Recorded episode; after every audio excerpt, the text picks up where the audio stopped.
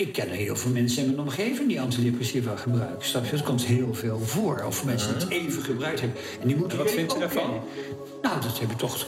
Ik dacht dat wij een van de gelukkigste landen in, in de wereld waren. Maar bij alcohol is je neurotoxiciteit zit als een paal boven water. Als je een zelfmoordpoging doet, gebruiken de meeste mensen pillen. Dat gaat gelukkig bijna nooit goed. Dat is dus geassocieerd met die eh, psychose. Hè? En daar geloof ik echt in. Ja. Ik vind die beschikbaarheid van die, van die pijnstillers. Dat, dat, dat vind ik heel erg. En het is zo in Nederland dat nu wel 1 miljoen Ja. mensen antidepressiva gebruiken. Ja. Hey jongens, leuk dat jullie weer kijken naar een aflevering van Levenslessen. Vandaag zijn we weer met Kees Kramers. Eh, hij is internist en klinisch farmacoloog. En ook hoogleraar bij het Universitair Medisch Centrum van Radboud. Eh, met hem gaan we het hebben over alcohol, drugs en vergiftingen als een gevolg van medicijngebruik. Dus Kees, wat fijn dat je er bent. Ja, fijn dat ik hier mocht komen, jongens. Ja, dat vinden wij ook. Ja.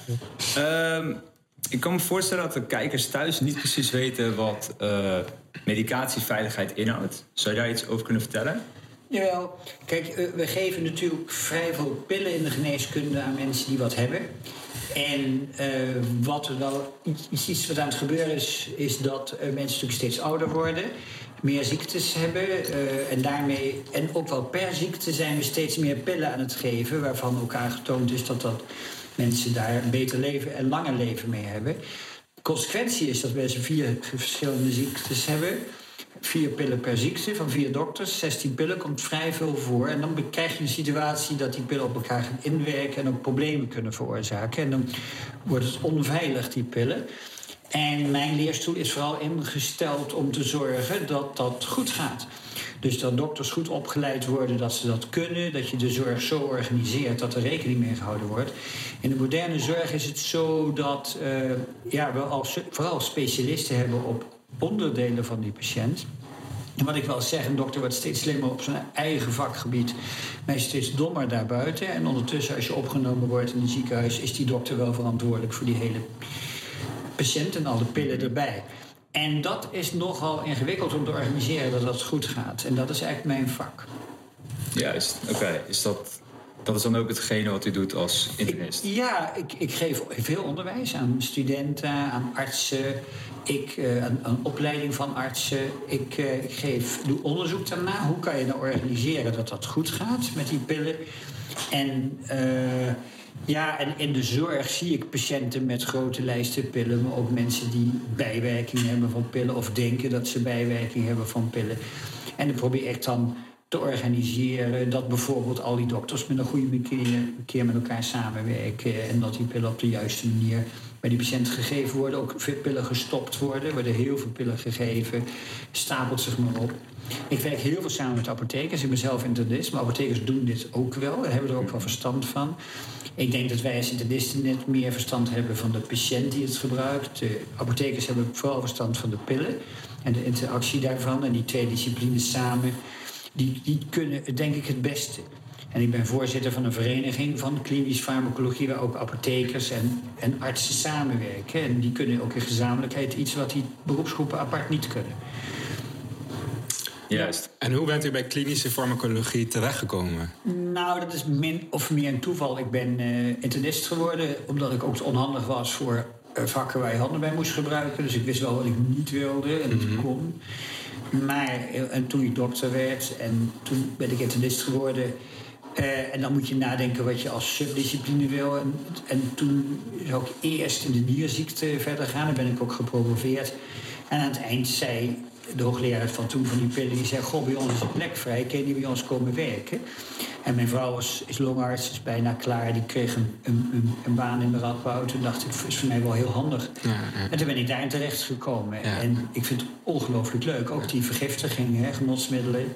Het is fascinerend. En het is een soort niche. Ik denk dat er niet heel veel internisten zijn die hier goed in zijn. Vergiftigingen. Ja, vergiftiging, ook pillen, stapelspillen. Natuurlijk, ieder internist schrijft pillen voor. Maar dat je echt verstand hebt van die grote stapelspillen, die interacties en die bijwerkingen, dat, dat, dat zijn er maar heel weinig die daar echt een vak van gemaakt hebben. Dat is ook wel leuk. Je bent redelijk Uniek. uniek. Ja. Ik denk dat er misschien maar twintig zijn in heel Nederland. Zo, ja. Zo, Ja. dat is niet veel Ja. 30. Ja. En eh, komen die vergiftingen vaak voor? Ja, nou, dat, dat, dit, dus als het gaat over vergiftigingen. Het eerste is het lastig, je hebt natuurlijk bijwerkingen. Hè, dat, dat, dat, en vergiftiging, dat loopt min of meer elkaar om, over. Sommige bijwerkingen komen omdat mensen te veel in het bloed hebben. Vergiftiging is toch wel dat je zegt, je hebt te veel en dan krijg je nadelige effecten van. Je kan je voorstellen dat die stapelspillen bijwerkingen kunnen opleveren. Soms zorgt de interactie ervoor dat spiegels te hoog worden. Een beetje semantisch of het dan vergiftiging of niet. Daarnaast heb je natuurlijk mensen, eh, en dat staat eigenlijk los van dat verhaal dat ik net verteld heb, die eh, zichzelf vergiftigen of vergiftigd worden. En de grootste groep die we daarvan zien zijn eh, mensen zelfmoordpogingen met pillen. Oké. Dus mensen nemen grote hoeveelheden pillen in, die komen in het ziekenhuis en ook daar doe ik veel aan. Ik heb de richtlijn vergiftigingen geschreven die ze vooral bezighoudt met hoe vang je die mensen op de beste manier op. Daarnaast heb je een grote groep jongeren die genotsmiddelen gebruiken, onoordeelkundig gebruik van genotsmiddelen, laten we zeggen, en die op basis van vergiftigingen daarvan in de problemen komen. En dat is ook wel de grootste. Maar toch ook wel eh, andere eh, genotsmiddelen, cocaïne, heroïne, opiaten, veel. Eh, nou ja, we, zeggen, wij- wij- we zien niet zoveel opiaatvergiftigingen. Alcohol zie je veel meer. Maar eh, we zijn een beetje bang dat wat nu in de Verenigde Staten aan het gebeuren is... hebben heel veel mensen pijnstillers gebruiken... dan fentanyl gaan gebruiken en dan in de problemen komen... dat dat overwaait. Dus daar doe ik ook veel onderzoek naar. Wat, bedoelt u, wat bedoel je daarmee? Als het Nou overwaait? ja, overwaait is wel zeggen dat in Amerika nu een vrij grote groep mensen verslaafd raakt aan pijnstillers, morfinepijnstillers, zoals fentanyl. Op een gegeven moment is het systeem daar zo dat je dan niet meer van je dokter krijgt, dan ga je het kopen op straat. En dan, dan zit je in het illegale circuit. En dat is een enorm probleem. En leidt ook tot enorme sterfte van jonge mensen die die pillen nemen. En voorbeelden, ook eh, Prince is overleden aan een fentanylvergiftiging. Hè? Purple Rain, misschien Ja. voor jullie tijd, maar dat is... Nee, nee, ik ken het wel. 1999, hè? En eh, Tom Petty in de Heartbreakers. Tom Petty ook overleden aan opiaatvergiftiging. Overdose, OD. Nou, dat zien we in Nederland heel weinig, maar iedereen is toch een beetje bang dat dat op termijn deze kant ook opkomt. En we zien wel dat die pijnstillers veel meer voorgeschreven worden. Oké. Het is ook wel in de publiciteit geweest dat er mensen verslaafd aan raken. Ik denk dat er heel weinig mensen die overlijden daardoor. Ik denk ook wel dat de zorg beter georganiseerd is in Nederland.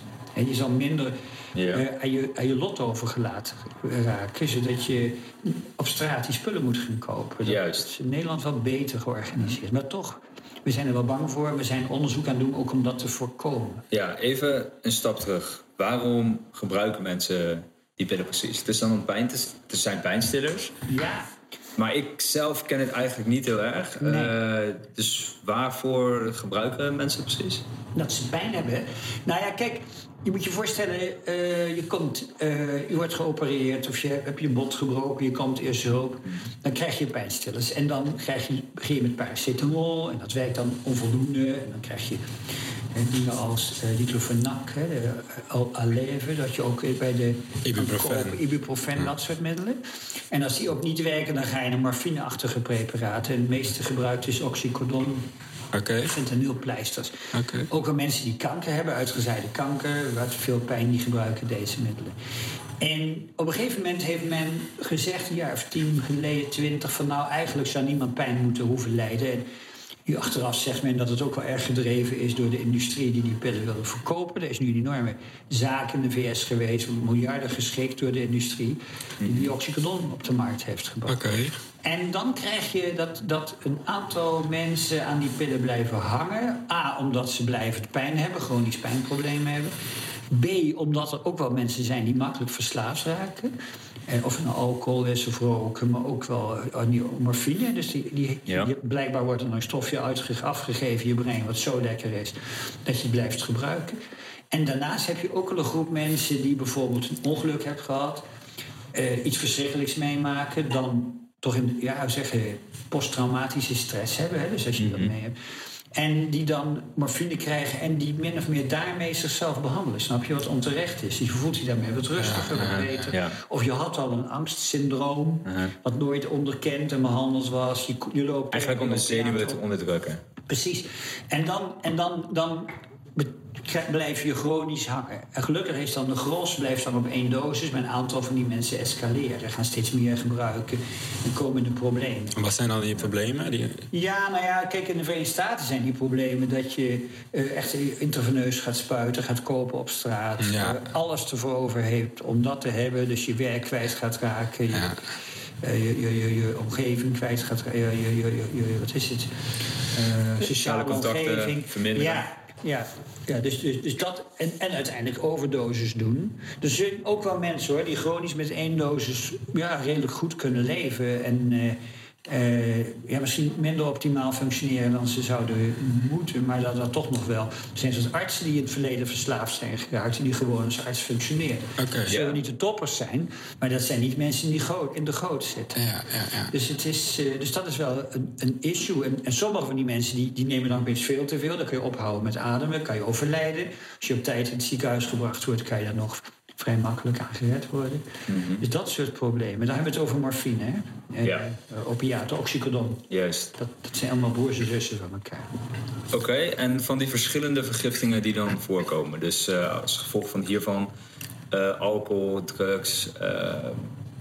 welke, wat is in Nederland denk je het grootste probleem? Pillen. Alcohol. Oh, oh, niet pillen? Ja? Met astro. En hoeveel, hoe groot percentage is het dan? Nou ja, kijk, we denken, we gebruiken over 10 miljoen, miljoen mensen alcohol hè, nu en dan. Ik ook, kan ik je zeggen. En daarvan hebben 1 miljoen vinden we dat hij toch wel onverstandig te veel gebruikt. En 300.000 heeft een probleem. Dat is ongelooflijk groot. Anderzijds kan je zeggen, dat is 3% eh, van, van die grote club. Maar dat gaat om, om alcohol is zo verweven in ons eh, leven dat, eh, dat het on- ongelooflijk grote hoeveelheden mensen krijgt. Het probleem van alcohol is dat het op allerlei manieren giftig is. Dus eh, je gaat autorijden. Dus je rijdt jezelf dood, je rijdt andere mensen dood. Eh, ik ken mensen die hun tanden uitgevallen zijn, door glas gaan. Er zijn mensen in Groningen is een jongen in de gracht gevallen en verzopen omdat eh, studenten of iemand die valt uit het raam. En ik denk dat jullie ook kennissen hebben die op die manier zichzelf beschadigd hebben. Ik heb het in mijn directe kennissenkring meegemaakt. Er komt ongelooflijk veel voor, ook doden. Dus van de 600 verkeersdoden in Nederland zijn er 200 gevolg van alcohol. Aantal ecstasy-doden in Nederland, vijf op jaarbasis misschien? Drie, vijf? Ja, zo. Ja, dus alcohol, dan, dan heb je nog niet die mensen, als je het chronisch gebruikt. Nou, ten eerste kan je eh, acuut kan je in de problemen komen, dan ga je oud. Nou, meestal ga je, word je wel. eh, en als je dan braakt, kan je daarin stikken. Dat gebeurt niet zo vaak. Maar chronisch gebruik maakt je lever kapot, maakt je brein kapot, maakt je hoge bloeddruk en hart- en ervan. Het is geassocieerd met allerlei vormen van kanker. Eh alvleesklierontsteking. En zo kan ik een hele tijd doorgaan. Ja. Dus Juist, alcohol ja. is bij chronisch gebruik ongelooflijk toxisch. Die oxycodon die ik net noemde, als je dat niet te veel neemt, heeft dat eigenlijk geen negatieve consequenties voor al die organen die ik net noemde. Dus dat is geen fijn spul. Maar alcohol is ongelooflijk vergiftiger. Ja. Dus ik vind, eh, en ik vind de, de, de, zoals studenten omgaan met alcohol, dat vind ik ongelooflijk link. En ook mensen, mensen onderkennen helemaal niet wat, wat, eh, wat een groot probleem dat is. Dus ik ben, mijn zoon die heeft eh, gestudeerd eh, in Groningen. Ik mocht naar een ouderdag hè, van Albertus Magnus, heet dat dan, die club. En er stonden jongens stom dronken te, te brallen op een bar. Noemden ze zangleraar. Ik denk, die flikkert er zo af. En dat vindt iedereen nou ongelooflijk leuk. Hè? Ja. Dus en, ik, en, en alles is gedrenkt in alcohol. Het hele verenigingsleven. Een Kantus, hè, het is allemaal, allemaal alcohol Ja, ja, zeker En ik denk dat het heel moeilijk is om te zeggen, ik drink niet. Het is ook overal te krijgen. Daar zit Overal te best wel een stigma op, ja.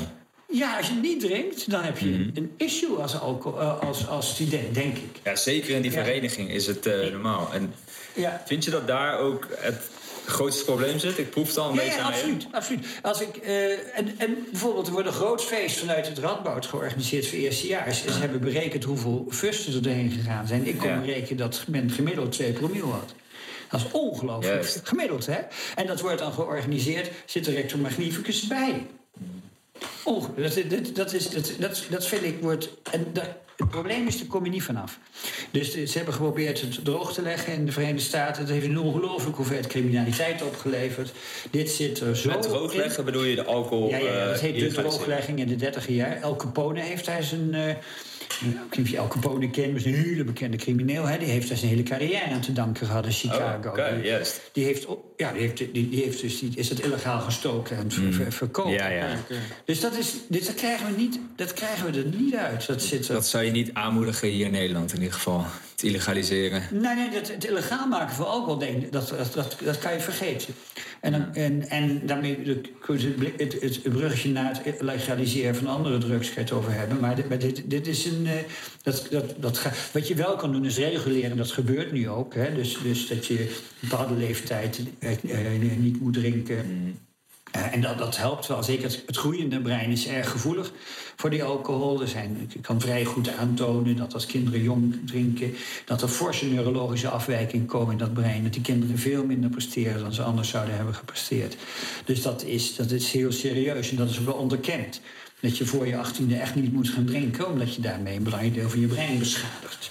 Ja, absoluut. Toch Ja. denk ik dat er best wel weinig eh, jongeren in Nederland niet voor hun achttiende hebben gedaan. Nee, nee, tuurlijk. Kijk, en alles heeft te maken met dosis. Hè? Hoe vaak neem je het, hoe frequent. Dus als jij eens een keer wat drinkt, dan is het, en je kan één eenheid per dag. Ja. Hoewel op die leeftijd zou ik het ook niet Maar aanraken. er zijn inderdaad best veel discussies over.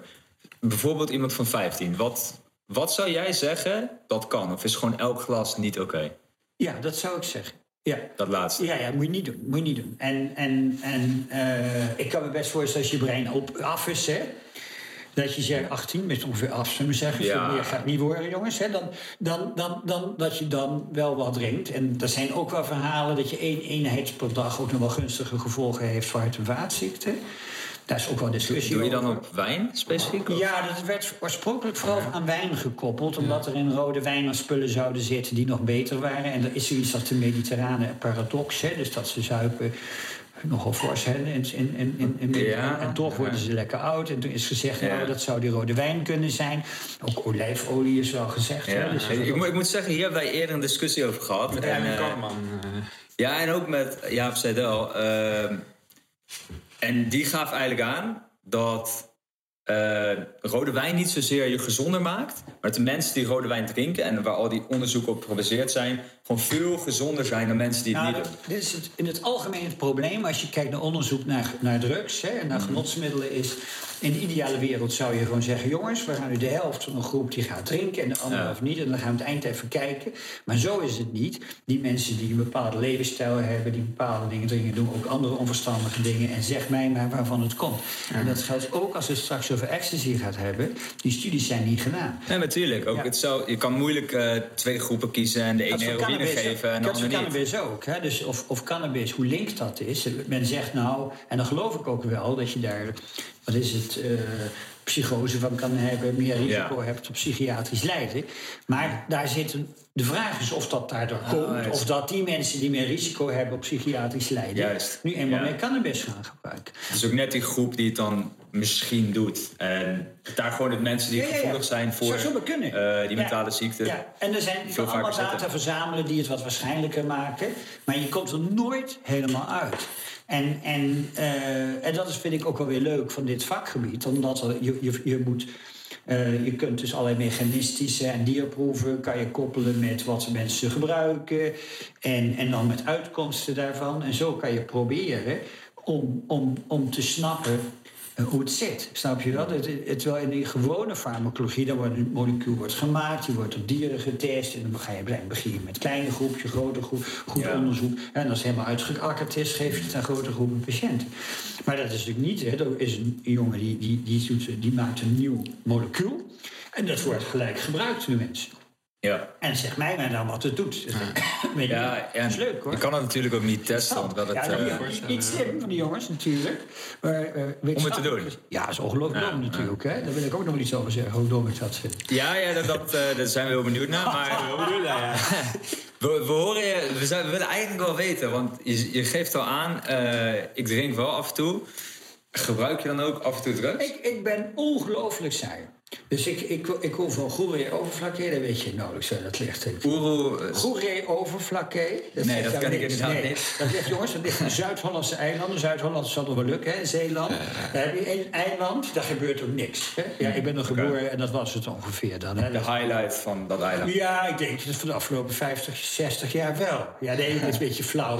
Ab Klink, die ken je ook niet meer, denk ik. Die eh, oude minister komt ook naar. Maar het is, het is een beetje flauw te zeggen... oh, goeie oververkeer, want het is een heel mooi eiland. Ik bedoel, het is een klein eiland, 40.000 mensen.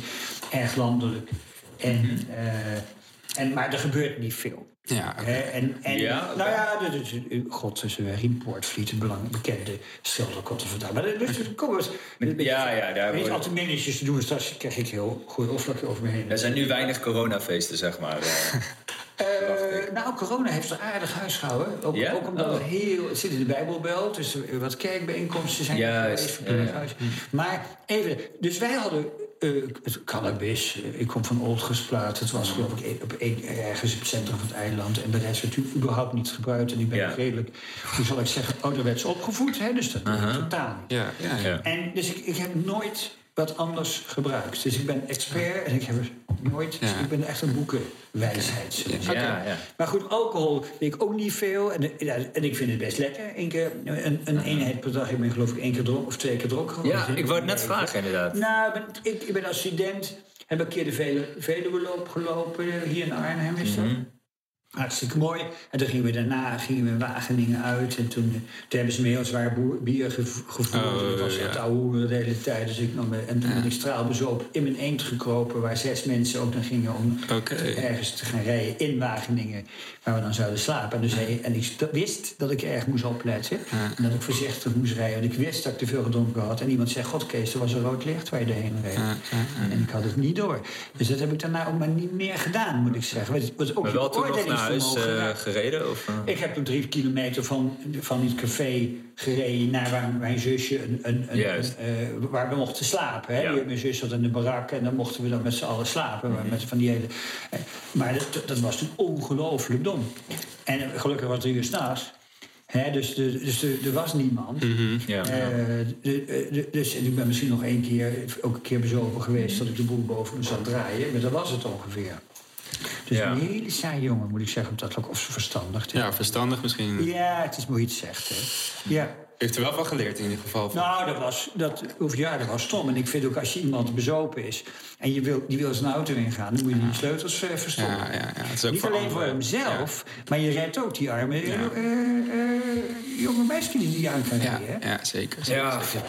passagiers met wie je in de auto zit. Of Ja, verder nee, wie nee, nee, auto en, nogmaals, er komen op jaarbasis een paar honderd mensen om. Hmm. eh, op, van ongelukken waar alcohol een rol speelt. Dat is, Dat is veel. Daar gaan 600 mensen dood op jaarbasis, wat veel minder is dan in de 70 jaar. Toen was 2000. Dus er is heel veel gebeurd. Maar een derde daarvan speelt alcohol een rol. Echt denk je dat eh, mensen minder alcohol drinken dan vroeger? En, en erger, minder? Nou, dat, dat? dat, ik, ik geloof het niet. Ik, ik dacht het niet. Ik, ik heb die getallen niet gezien. We roken ietsje minder. Eh, maar met alcohol... Met nee. roken is het wel echt Ja, goed aan het gaan. nou, het is dit veel minder 20, normaal. 20% van die roken is enorm. eh, is die hele maatschappelijke acceptatie die, die alcohol nog heel erg heeft, is er bij roken totaal af. Ja, klopt. En dat heeft enorm veel opgeleverd, denk ik. Want roken is ook ongelooflijk dom als je daarmee begint, dames en heren. Want je ruikt dat het stinkt, het kost geld, het kost 15 Ja. levensjaren. En, 15? Eh, 15. Als jij nu start met roken, fors, hè, Ja. 50 op dag. En let op, je hebt enorm verslavend potentieel. Mhm. Dus één van de drie blijft eraan hangen. Van, die, van die stoere jongens, hè, die op die 15-jarige leeftijd stiekem gaan roken. Ja, het kunnen ook en het kost je meisjes 15 zijn. levensjaar. Of meisjes zelfs, ja. ja. 1 of 3. En 15 levensjaar, hè, dat is natuurlijk voor mij heel gunstig. Want ik heb niet gerookt. Ik word 80, 85. Die mensen worden 65. Hebben de hele leven premie betaald. Ik daarvan profiteer. Maar het is natuurlijk niet goed. Je? Nee. Het, is vanuit het maatschappelijk... Het is een beetje cynisch, maar dat, eh, vanuit het maatschappelijk perspectief... eh, nou ja, eh, hoe moet ik zo zeggen, die, die, die mensen maken kosten. Maar die maak ik ook wel als ik straks 83 ben. Maar als je begrijpt wat ik bedoel. Hè? Dus, dus je krijgt Ja, ja, dat is waar, ja, dan. Maar het is even serieus. Dat roken is ook onwaarschijnlijk dom. Als je daar nu mee start. Want het heeft enorm verslavend bij, eh, eh, potentieel. en, en dat is ook ongelooflijk toxisch. Ja. En het kost ook nog veel geld. En je stinkt. Ja, dat is... Worden, kan je vergiftigen van het roken? Nou ja, dat gaat, nee, nee, dat gaat om die chronische toxiciteit. Ja, meer hè. lange je krijgt hart- en vaatziekten, je krijgt longkanker, je krijgt emfyseem. Mhm. Eh, dus dus dat, dat is een, eh, ook zeer toxisch. Eh, wat dat betreft ook een beetje vergelijkbaar met alcohol in die zin... dat ook heel veel mensen het doen. En wat, wat vergis je niet hoor, nog steeds 20%, 25% van, die, van de mensheid rookt... En, eh, en als je nu het ziekenhuis met mij in zou gaan, dan, dan is dat vol met rokers en vol met mensen alcohol gebruikt. En nou, ecstasy en cocaïne. Misschien dat we ze missen omdat mensen het niet zeggen, maar dat is uitermate zeldzaam. Dat mensen daarmee het ziekenhuis komen. Er zijn geen vergiftigingen die door cannabis of zo eh, kunnen ontstaan? Nou, cannabis is geassocieerd met die eh, psychose. Hè? En daar geloof ik echt in. Ja. Dus ook al kan je daar wat op afdingen, die data, geloof ik er echt in dat dat er is. En, eh, en ik denk dat, dat dat het belangrijkste... En dan misschien het amotivationele syndroom. Hè? Dat zijn jongens zoals jullie die een leuke carrière tegemoet gingen... cannabis geroken en volgens niets meer doen. Ja, En ja, dat is dus voor... Dat is, ja, dan kan je zeggen, hoe erg is dat, hè? dat zie ik ook wel eens voorbij. Ja, hè, dus dat, als jonge vader vind je dat vervelend, hè, als je kinderen dat zien doen, zullen zeggen. Ik Ja, diegene uiteindelijk ook, denk ik. Want, Ja, ja, ja. Dus dat, dat is denk ik het grootste probleem. En natuurlijk het feit dat, dat je cannabis rookt en daarmee ook de rookschade eh, krijgt. Hè? Ja, Dat is ook nog ja, een, ja, een issue. En die psychose, wat houdt dat dan precies? Nou ja, die, weet je, eh, er is een associatie tussen cannabis roken en, en, en schizofrenie, eh, dus ernstige psychiatrische aandoeningen. Oké. En wat ik wel voor theorieën gehoord heb, is dat er een zekere genetische achtergrond zit. En dat ook eh, dat het een soort duw geeft. En dan heb je ook een duw van de middelen en misschien een duw van de omgeving. En uiteindelijk heb je een club die dan die, die psychiatrie krijgt. En dat die middelen daar ook zeker een rol in spelen. En er is best data die dat ondersteunen. Dus dat, dat je, als, je, als je dat meer gebruikt hebt, is die kans groter. Dus een, dus een dosis-effectrelatie zou het ondersteunen. Nu zou je ook kunnen zeggen, die, de mensen die het ergste hebben, zullen het ook meest gaan gebruiken. Hè? Het ligt er niet omgekeerd in de Ja. relatie. Dat, Dat weet ze er je- eerder naartoe grijpen. Precies, dat weet je niet 100%. Maar- En er zijn ook nog wel eh, ja, andere ondersteunende, hoe zou ik zeggen, evidence zoals het heet, hè, voor die uitspraak. En hoe heette dat nou? Dat, dat syndroom vond ik wel... Amotivationeel, dus wij, dat, is, dat is een heel duur woord om te zeggen dat iemand minder motivatie heeft. Hè? Maar dat, dat is echt een speciaal Nee, syndroom. dat is meer een omschrijving Oh, oké, van het ja. feit dat er mensen zijn die zonder motivatie zitten te blowen de hele dag. Ja, Het is niet geen zou je zeker die- hebben, denk ik. Ja, die zijn er, ja. En dat, dat is natuurlijk toch wel jammer, weet je. Want je, we hebben toch wel het gevoel dat je, als je je jeugd voldoet... dat je daar straks van profiteert, toch? Hopelijk wel. Ja. Ik hoop, de meeste mensen gun ik het. Nee, nee, ja, en ook niet... Ik bedoel, het is geen doel op zich. Ik bedoel, eh, we hoeven niet allemaal eh knetterhard te werken, maar... Nee, maar het is zonde als Ja. je eh, best veel potentie hebt. Of ook als je niet best veel potentie hebt. Ja, om dan gewoon een beetje te blowen. doet. En, hè, maar goed, aan de andere kant zijn er ook wel mensen bij die daar heel senang mee zijn. Eh wie ben ik om daar veel mening over te hebben. Maar als ik te ouder zijn voor zo'n jong of meisje, zou ik dat wel jammer En, en vind je dan, zeg maar, wat, wat, wat vind je van een ehm, af en toe recreatief eh cannabisgebruik? Want je hebt wel veel. ehm Ja, het is verslavingsgevoelig. Nou ja, Ja, nee, maar ik, ik wil het van hem Nee, weten. nee, er zijn 500.000 mensen, denken we, die ongeveer cannabis gebruiken regelmatig. 3000, ja, getallen van een paar jaar terug hoor. Dus ik bedoel, misschien dat de mensen het beter weten ik, maar nog 3000 zitten in, met een, in, in de verslavingszorg. Hè? Oh, Op basis van alleen. Dat klinkt veel, hè? Anderzijds kun je zeggen, nou ja, hè, dat is minder dan 1 op 100. dus ik- en dat geldt zelfs voor alcohol. Ik denk dat het gros het, het best nu en dan kan doen en er eigenlijk geen last van heeft. Maar je hebt een clubje die, die verslaafd raakt. En, die, en we, hebben het, we snappen dat niet helemaal hè, als wetenschappers zullen zeggen. Maar je hebt het gevoel dat, dat er een. En er wordt ook veel onderzoek naar gedaan als je een genetische background hebt. Dus ook. Ja, of iemand verslavingsgevoelig is. Precies. En ook met eh, roken is 30%, hè, met 70 niet. Zullen we zeggen. En dat is dan heel veel in verhouding. Nee, dus je hebt twee dingen. Je hebt de stof zelf, die meer verslavend potentieel Ah, heeft. juist, ja. En je hebt de genetische background, die ervoor zorgt. En die cannabis heeft dus wel degelijk een verslavend potentieel... maar dat is blijkbaar minder dan roken en iets minder dan alcohol. Ja. En heroïne, cocaïne heeft nog een, veel, nog een groter eh, verslavend potentieel. Oké, ehm, Ja.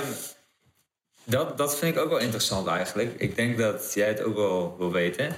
Ehm, wij zaten heel lang te twijfelen van wat is... Welk middel is nou echt het meest verslavend of het gevaarlijk? Dus je wil, als je even duidelijk wil maken van... Denk niet eens in je dromen over dit middel, dan wat is dat? Ja, ja dat, dat, kijk, ik, ik zou dan cocaïne en heroïne kunnen zeggen. Zeker, eh, of crack cocaïne, hè, wat je dan kan... eh, Dat wordt veel in Engeland gebruikt, toch? Ja, Verenigde Staten in ieder geval. eh, van de onderklasse gebruikt crack en de bovenklasse die snuift. Hè. Crack is nog verslavender. Dat? Nee, het crack roken. Crack doe je als Oh, roken. zijn maar- van vormen van cocaïne. En dat roken zorgt ervoor dat het heel snel in je brein komt. En dat draagt bij tot het verslavende potentieel. Het interessante is als je... Er is wel studies gedaan naar wat is nou het slechtste voor een mens. Hè? En in al die studies staat alcohol als eerste. Zowel voor het individu als voor de, eh, als voor, het, eh, voor de populatie. Dat is ook interessant. Hè? En dan komen dan cocaïne en heroïne achter. En dan heb je een aantal wat houdt het in voor de populatie? Nou, de populatie wil zeggen van god, hoeveel mensen gebruiken het, hoe lang heeft de maatschappij er last van? Dat heeft ook heel veel. Je kan je voorstellen hoeveel. hoeveel De grootte in totaal. ja, dus, dus wat hebben we als maatschappij er last van? Ah, ja. Dat heeft ook te maken met massale gebruik. Je wordt daarin Ja. meegenomen. Hè? Terwijl, ja, hoeveel cocaïnegebruikers zullen zijn? Tienduizenden, denken we. Hè? En dan heb je ook het nu en dan doen. En dan heb je een club die eraan verslaafd raakt. Dus, dus, dus, dus, dus ik vind, eh, dat is wel interessant. Hè? Dus, dus alcohol, ook daar, als je me nu zou vragen, maar ik doe het niet. Dan moet ik bijna zeggen, jongens, geen alcohol. Maar ik ben een beetje bang dat die jongens dan zeggen, kijk, cocaïne is minder echt alcohol. Omdat ik Coca-Cola ook doe, kan ik niet net zo goed een beetje hebben coke. En dat is ook heel onverstandig, jongens, kan ik zeggen. En meisjes ook trouwens. Hè. Dus, dus cocaïne, en, maar goed, zeker als je intraveneus gaat toedienen. Hè. Wat je, wat je met, met heroïne kan doen. Nou, dan krijg je niet alleen... Dan krijg je dus allemaal problemen van het intraveneuze toediening zelf. Hè, met, met, met ziektes, met HIV, hepatitis, eh vieze naalden. eh, die, die met, met daarmee ook infecties van je, van, je, van je hartkleppen en dat soort werk. Je longen die beschadigd kunnen raken als gevolg daarvan. Dus, dus eh, ja, ik, ik, wat ook nog wel een disclaimer is dat ik denk, ik, als het gaat om echt de, de, de impact van dit soort middelen op je leven, kan je beter verslavingsarts vragen dan dat je het mij vraagt. Snap je? Ik weet het uit de boeken, maar ik heb niet met mensen gewerkt. Dus dat zou nog leuk kunnen nee. zijn om daar Ja. eens een, een iPod over te maken. Dus, dus, dus, dus dat. eh, eh, en natuurlijk, alcoholisten kunnen natuurlijk totaal kapot gaan eraan. Hè? Totaal eh, onderuit gaan. Hè? Die raken alles kwijt, die mensen. Hun, hun, hun, hun, hun, eh, wat is het, hun relatie, hun werk. En, en kunnen ook, ook Ja, ja, zeker. Dat is Dat is wel... met cocaïne. En, Maar cocaïne kan je ook natuurlijk alles kwijt op raken. hè? En, maar dat heeft ook wel deels te maken met criminele circuit. Dat het heel erg duur is. Het is volgens Ja. mij wel zo, dat, dat zie ik in films en ik hoor wel eens Ja. verhalen. Kijk, met alcohol, als ik, eh, zeg maar, als iemand vijf glazen drinkt, dan kan die gewoon weinig. Je kan niet even gaan werken als je vijf glazen hebt. Vind ik in ieder geval heel erg knap. Misschien achter de bar ergens, maar anders niet. Eh, maar je hoort nog wel eens verhalen dat echt hoge businesslui wel kook gebruiken. Of voor een presentatie Nee, dat, dat doen. Ik, ik, ik heb cafeïne. Dat, is een, eh, dat, dat heeft tot op zekere hoogte vergelijkbare effecten. Dus die sympathicus, dat is een, dat is een deel van je autonome zenuwstelsel... wat zorgt voor de arousal, hè, vlucht- en vechtreactie, adrenaline. Ja. Dat wordt hierdoor mee afgegeven. Daarmee ben ik wat alerter, minder moe... en kan ik ook Ja. beter werken en met jullie praten. Eh, maar dat kan speed, doet dat ook. Hè? Amfetamine Nee, en cocaïne ook. Veel sterker. Ja, natuurlijk veel sterker, dat weet ik ook wel. Maar blijkbaar... Nee, dat was een vraag. Ja, ja, dat is absoluut sterker, ja. absoluut krachtiger. En, die, die, en je kan je voorstellen dat dat ook, dat geeft energie. Hè? Dus je kan wat. En er zijn wel straaljagerpiloten die, dan, eh, die dat ook wel gebruikt Ja, hebben. Ja, om dan eh, wakker te blijven en, en, en, en, en krachtig, ja, wat zou ik zeggen? Meer focus. Alerter te zijn Ja, en focus te ja. hebben. Dus, dus, dus ik kan je voorstellen, als je, als je daar die snuifas eh, werkt, hè, dat, je, dat je dat soort middelen dus ook wel in je werk zou kunnen gebruiken om op dat moment wat beter te kunnen presteren. Ja, ik zou zeggen, neem een extra kopje koffie. Hè. Dat is Ja, mijn advies oké, aan die jongens eigenlijk. Maar ja, die, die, die doen dat dan. ja. Ja. En zitten er ook nog nadelen aan cafeïne? Nou, dat, daar is al discussie over, maar eigenlijk niet. Dat valt dan nogal Je wordt niet stressgevoelig. Maar alles te veel is natuurlijk allemaal toxisch. Oké. Ja. Een aantal gla- Nou ja, ik heb wel een een, jonge man meegemaakt die eh, heel veel cafeïnepillen had ingenomen. Oké, en daar uiteindelijk zijn benen door kwijtraakt. Die jongen heeft geluk gehad dat hij het overleefde. Die is heel knap opgevangen door de eerste hulp op de IC. Die kreeg een enorm spierverval. Hele hoge lichaamstemperatuur. Spierverval wat zo heftig was dat het eens zijn benen moesten worden afgezet. Wow. Ja, dat was een ongelooflijk heftig. Dus, dus cafeïne-intoxicatie. Dan neem je spillen, enorme dosis. Hè, wat, je, wat ik niet voor elkaar krijg hiermee. Dat kan toxisch zijn. Maar alles is toxisch. Als jij nu vanavond besluit 20 liter water te drinken, ga je hartstikke dood. Ja. Niet doen. Ik eh, was het niet van plan, Nee, maar je snapt wat ik bedoel. Ja, nee, of een pot zout leeglepen. Ga je hartstikke Ja, ja, klopt. Bij zout is het ook... eh, Snap je? Dus alles wat je te veel doet, dan ga je van, van, van onderuit. Je Ik vind het wel opvallend eh, van de cafeïnepillen. Want ik wist niet dat daarvan echt bepaalde lichaamsdelen helemaal Nou, verlamd dit is een, vrij zeldzame complicatie. Ja, dat heet rhabdomyolyse, dat is spiercelverval. En als het massaal optreedt, kan, kan het zijn dat hij... Dat, en ik moet zeggen, ik was ook verrast door dat, die, dat, dat die jongeman dat kreeg. Dat was nieuw voor je. Ja, ja, ja, had ik nooit gezien. En, en, Wow. en, en het is vast een keer beschreven, alles is beschreven. Ja, ja. Maar en zoveel koffie-intoxicatie zie ik ook weer niet, hoor, moet ik zeggen. Dat is vrij uitzonderlijk. Eh, maar dat, dat was wel dramatisch. En die, die jongen is heel goed opgevangen door de... Want die, ik, ik denk dat die, die had enorme spiegels... Waarbij, waarbij de literatuur toch beschreven is... die mensen over het algemeen overlijden. En die, dat, dat, dus, die heeft het geluk gehad dat hij goed opgevangen is, goed gereanimeerd, had een ritmestoornis, dat ze dat opgevangen hebben. En toen hebben ze al die andere complicaties uiteindelijk behandeld. Zeer, dus doe dat niet, jongens, moet ik zeggen. Ja, of meisjes. Ja. Ja, Niet dus doen, ja. niet doen. ja? Ehm, en qua legalisatie eh, van drugs, zeg maar, Ja. ik snap dat het niet echt Ja, nee, nou ja, ik, eh, ik, A, ik heb geen verstand van... van, van maatschappelijke... Ja, nou ja, geen verstand. Nee, eigenlijk niet, hè. Oké. Ik wil wat hierover roepen. Kijk, je- ik denk dat we wel mogen concluderen dat de war on drugs, hè, die nu gevoerd wordt, in het algemeen dan niet heel succesvol is. Eh, als je ziet wat een ellende het oplevert in Amerika, als je ziet hoeveel. Maar Nederland ook, hè? Nu eh, flink Exceland. aan het Ja, bijvoorbeeld hè, ecstasy, maar ook eh, inderdaad cocaïne, maar ook eh, productie van hennep, wat natuurlijk ook ingewikkeld is hè, met het gedoogbeleid, levert enorm veel criminaliteit op. En, en, ik, je, en moet je, dus eh, de criminelen zijn heel blij met dat eh, beleid van ons. Zoals El Capone daar toen heel veel geld verdiend heeft aan die illegale alcohol. Zijn natuurlijk heel veel mensen die heel veel geld verdienen aan die pillen. Dus, dus, dus er zijn ook wel mensen in het algemeen gezegd hebben... goed, moeten we niet de hele flikkerse boel vrijgeven. Cocaïne, heroïne en de hele ecstasy. Vind ik ingewikkeld. Het grote gevaar vind ik dat als je als 14, 15-jarige een beetje stoer wil doen... je Ja. cocaïne, dat je er echt vrij makkelijk aan verslaafd kan raken. Gaat voor heroïne ook. Dat is een beetje zielig. Hè? Dan ben je stoer geweest als 14-jarige. Je hebt de rest van je leven er last van. Maar die rokers nu ook last van hebben. Hè? Die stoer deden toen Ja. ze 14 En met alcohol misschien... Ja, nou, alcohol kan je ook last van hebben. Eh, eh, daarvan heb ik al gezegd, het percentage wat werkelijk in de problemen komt, is gelukkig heel klein. Ja. Van die 10 miljoen mensen. Ja. Maar toch, hè, dus dat. Dat misschien ook iets met toezicht, met alcohol. ja. Die maar het waar ik naartoe is dat ik dus eh, best zou kunnen. Dat, dat, er- dat je de ingewikkelde discussie is. Of je nou dit soort middelen ook zou moeten legaliseren. Dat je zegt van nou doe het niet, maar als je het doet, doe het dan ge- ge- dat je het. Ergens koopt. Ik, ik, ik ben blij dat ik die beslissing niet hoef te maken, Mhm. maar ik denk per saldo dat dat misschien toch niet verstandig is. Oké. Niet? Cocaïne en heroïne hebben we het over. Ja, oké. En- Maar nou gaan we naar ecstasy, want daar willen jullie naartoe. Juist. Ecstasy heeft als enorm voordeel dat het niet zo verslavend is. Het aantal mensen wat in de zorg, slavenzorg terechtkomt op basis van ecstasy is klein. En dat betekent dat nadeel wat je bij die cocaïne en heroïne zou hebben. Hè, dus als die mensen daaraan verslaafd raken als ze even stoer willen doen.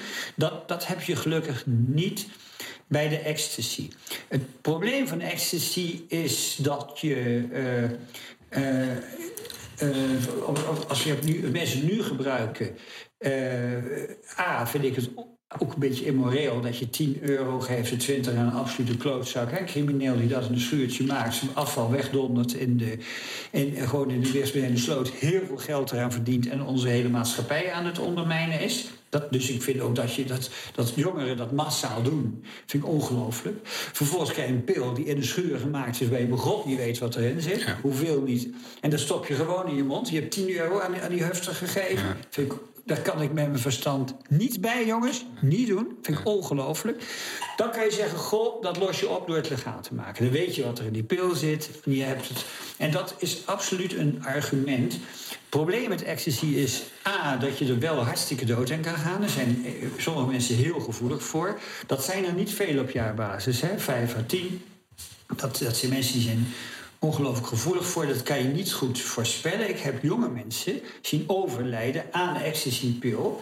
Eh, omdat ze dat ongeluk hadden. Nu kan je ook weer zeggen, nou ja, als het 1 op 100.000 is, 1 op 50.000. eh, ik doe ook een paar dingen die in principe levensgevaarlijk zijn. Ik fiets graag, hè, dan ben ik veel te oud. Ik fiets achter zo hard mogelijk, uit die oude mannen, weet je wel. Ik kan zo een infarct krijgen. Ja, zet een bepaald risico. Ik kan aangereden worden in Duitsland omdat ik daar eh, veel te hard rijd en niet goed uitkijk. Ben ik ook hartstikke dood. Kijk naar ski-ongelukken die plaatsgevonden hebben. Hè. Ski is leuk, fiets is leuk. Je zou kunnen zeggen, ecstasy is leuk, dan maar dood. Hè. Die kans is heel klein. Als je niks wil, als je niks doet in leven, heb je ook geen plezier. Loop je ook geen enkel risico. Lastig, hè? Dus ik, ik, ik, maar ik kan me voorstellen dat je, dat je voor jezelf die afweging maakt. Dus als je zou legaliseren, dan moet je daar wel rekening mee houden. Eh, het voordeel, extra voordeel van legaliseren is dat je mensen goed kan informeren. En, en dat je ook wel iets kan zeggen in wat voor condities je moet innemen. En misschien andere pillen die je al. Ja, want zou, zou dat niet enorm het risico verminderen? Nou, dat is wel zo. Dus, dus toen het net op de markt kwam, waren ook o- overlijdens doordat mensen eh, veel te heet werden, in hete ruimtes eh, dansten, waar ze niet zo goed water konden drinken of, eh, en, en, en dus Ja. niet goed konden zweten. Daar zijn heel veel maatregelen op genomen. Hè? Dus eh, dat, is ook, eh, dat heeft wel gezorgd dat het minder toxisch is, maar er zijn nog steeds mensen die ondanks die maatregelen eh, overlijden. En, en, en, en die, die er blijkbaar heel erg gevoelig voor zijn. En, en, Doe je dan gevoelig voor voor de stof. gebruik? Of oh, echt als ze het gebruiken dat Nou ja. veel sneller in problemen zitten? Ja, we weten van antidepressiva ook dat er een klein clubje is die, die met één of twee pilletjes een, een vrij ernstig beeld kan krijgen, serotonair syndroom. Wat ook gepaard gaat met hoge lichaamstemperatuur. Spierverval lijkt een beetje op het koffiegebruik. Wow, dat is wel heftig. Dus mensen die... ehm, Met antidepressiva. bedankt, bedankt voor het Ja. bruggetje ook. Dat is eh, iets wat we wouden bespreken. Ja, Ehm, dus mensen die zeg maar antidepressiva krijgen voorgeschreven, die kunnen, omdat ze gevoelig voor die stof zijn, daar zo overhit van raken dat ze in gevaar komen of levensgevaar. Nou, weet je, het, het- het is niet dat hij. Het is niet. Ik heb het nooit meegemaakt dat het zo heftig is bij die ecstasy-klanten. Mensen aan overlijden. Nooit, nooit, nooit. nooit. Wat uit de literatuur bekend is, is dat sommige mensen erg gevoelig zijn en dan zo'n syndroom krijgen waarbij je temperatuur wat omhoog gaat, hyperreflexie hebt, wel ziek wordt, heel veel zweet en een beetje onrustig. En dan wordt het gestopt en is het over. En dat is, dat is een vrij. Het kan best een heftig beeld zijn, maar, maar ik heb nog nooit meegemaakt, terwijl heel veel mensen die SSRI's gebruiken, hè, die antidepressiva, Ja. dat, dat, dat ik dat, dat ik dat zag. Dus dat, dat, is, dat is een probleem wat. Er zijn wel grotere problemen van antidepressiva Ja. dan dat. Die, we zien, oh, even naar die legalisatie van die ecstasy. Wat ik ook nog ingewikkeld vind, is stel dat we dat zouden doen, zijn mensen toch ook wel bang dat dat een bruggetje is naar andere stoffen die een stuk onwaarschijnlijk, on, onverstandiger zijn, zoals cocaïne en dat soort werk. Dus die maatschappelijke gevolgen daarvan, dat vind ik heel moeilijk te wegen. En of dit de oplossing is tegen criminaliteit, denk ik dat die jongens ook wel wat anders gaan verzinnen. Ja. Aan, aan de ene kant denk ik het wel, maar Ja. ik denk zelf, ja. ik, ik weet niet of het per se meer een gateway gaat worden als het legaal is. Want nu is. eh, Nee, ik ook niet. En jij ook niet. En degene die die beslissing moet nemen ook niet. Uh-huh. Dus het is nogal een experimentje wat je doet, hè? ja, nee, dat, en we dat weten zeker. voor cannabis. Dat wat in Colorado vrijgegeven is, in Canada. Ik ken de data niet helemaal precies, maar ik heb niet het gevoel dat het daar nou zo geëxplodeerd is en een probleem geworden is. Het legaliseren van cannabis daar. Maar of dat ook zo met ecstasy zou gaan, niemand die het weet. Dus ik snap die overheid wel dat ze dat experimentje even niet aangaan. Los van het feit dat al die Duitsers en Fransen hier naartoe gaan komen, hè, wat ze toch ook wel ingewikkeld vinden. Ja. Zou dus eigenlijk een Europees verband moeten gebeuren, zou ik zeggen, als je dat doet. Dus ik ben heel blij dat ik het niet hoef uit te maken. Ja, ja. En- en- zit het en- liefst op eh, de. Ik blijf in het midden. Nou, weet je, ik heb er geen verstand van. Dat is eigenlijk wat je moet zeggen. Ik heb verstand van, die, dat je, van, van de problemen van ecstasy en ik kan het afzetten. Klopt, klopt. En ik- ik wil- Maar je moet mij die vraag niet stellen. Maar jij wil net de antidepressiva, geloof ik. Eh, nee, ik, ik wil nog even hierop blijven. Ik wil je niet een antwoord forceren, absoluut Nee. niet. Maar ehm, ja, ik, ik denk wel dat, ja, ook, ook al weet je er niks van, dat, dat je dat niet, misschien dan niet per se jij, maar de overheid dat niet per se kan gebruiken als reden. Want eh, er zijn wel vaker maatschappelijke kwesties waar we toch niet iets van weten. Misschien in het begin met de coronasituatie. Waar je toch, waar je toch moet aangeven van... ehm, Het ligt aan de consequenties, denk ik. Ja, Weet ja, zeker. We, we zien nu ook corona en er worden ook, zeker in het begin, zijn forse maatregelen genomen. die misschien wel meer waren dan misschien nodig was, omdat er zoveel onzekerheid was. En als het misgaat, heeft het enorme consequenties. Dus, dus je neemt als overheid maatregelen, Mhm. om, omdat je in potentie iets, iets, iets, iets heel ergs zou kunnen gebeuren. Dus ik kan me voorstellen dat je dit niet doet, ook al vind je die kans misschien klein of onzeker, dat je het toch maar niet doet. Omdat het terugdraaien ervan is ook nogal ingewikkeld. Dus ik, ik vind het wel. Ik wil die discussie is goed hoor. En, en eh, ik, ik, ik, ik moet zeggen dat ik eh, toch eh, me wel kan voorstellen dat je dat niet doet. En ik ben blij dat ik die beslissing Ja. niet hoef te nemen. Dat is eh, duidelijk, denk ik. Snap je? Ja, dus dat. Ja. dat eh, anderzijds, al, al, eh, wat ik ook wel zeg, is dat.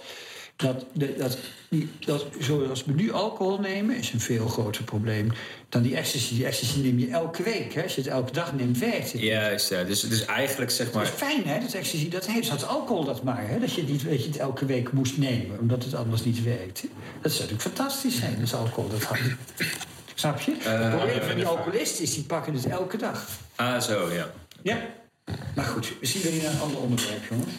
Ehm, zoals je dus zegt, ik, ik wil het even afronden om eh, dan verder te gaan. Ja.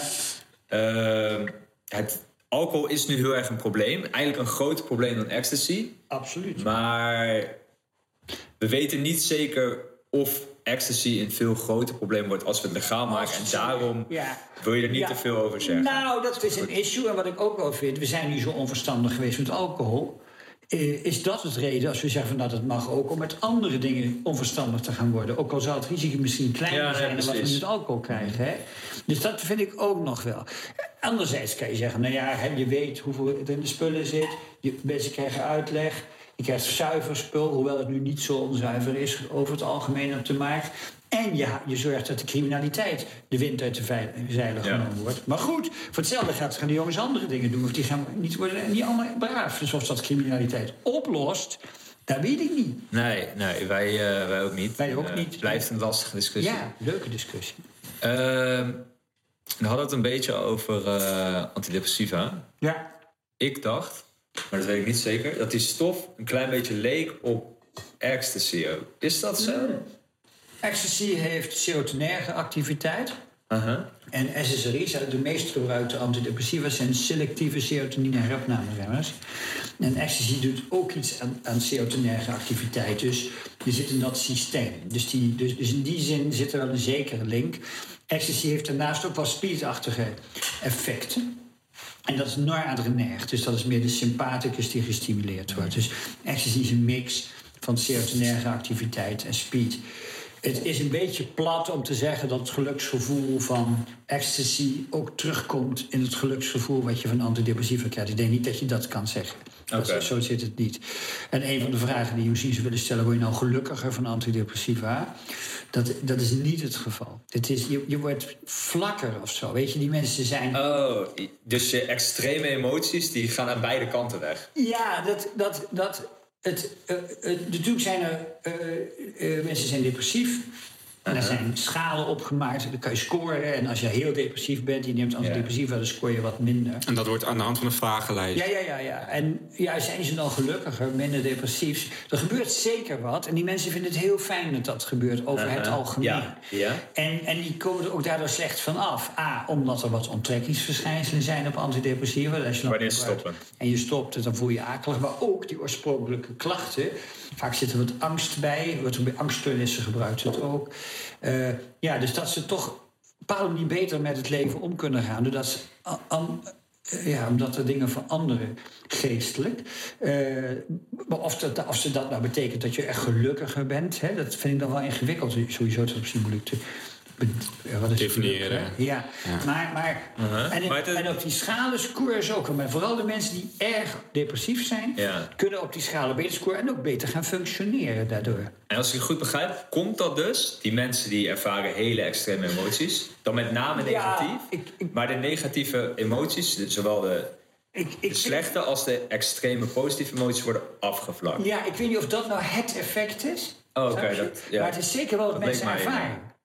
En, en mensen kunnen opeens eh, allerlei gedachten hebben die tollen in hun, in hun brein. En dat kan opeens weggaan, weet je. Dus, dus, dus het doet wel wat in dat brein. En daar zit die vervlakking. Eh, en dat, eh, er gebeuren dingen. Of ze nou gelukkiger worden, weet ik niet. Ze scoren beter op die lijsten. Ze kunnen soms ook gaan dan beter functioneren. Ernstige depressies. Waar mensen zich wel zorgen over maken, is dat, zie ik het verleden, het heel veel ingezet is bij milde depressieve klachten. Waarbij ook nog wel wat leed wat we sowieso meemaken in het leven. Hè? Dus, dus wordt dan medicamenteus opgelost. Terwijl je kan zeggen, nou ja, je bent een keer heb je, heb je een ruzie met je vriendin... of je hebt eens een keer... Het is een beetje plat ook hoor, maar je hebt dan dingen waarvan we allemaal zeggen... God weet je nu en dan is het wat slechter weer, je hebt dit en je hebt dat. En, en, en moet dat dan met een pilletje opgelost worden? Dus alleen bij ernstige gevallen van depressie. Dat is wat men later is wel gaan zeggen. Dat de ernstige depressies hiermee behandeld zouden moeten worden... en die wat mildere klachten niet. En het is zo in Nederland dat nu wel 1 miljoen Ja. mensen antidepressiva gebruiken. Ja. En daarvan heeft men het gevoel... Ja, of ze het allemaal chronisch gebruiken, weet ik niet. Maar, maar eh, de, de, de- dat, dat soort getallen zijn Ja, heb ik ook gelezen. En ik ken heel veel mensen in mijn omgeving die antidepressiva gebruiken. Snap je? Dat komt heel veel voor. Of mensen het even gebruikt hebben. En die moeten En wat vind je daarvan? kennen. Nou, dat heb ik toch.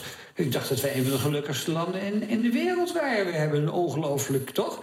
Het weer is Misschien komt het wel daardoor dan, dat eh, iedereen dat aangeeft.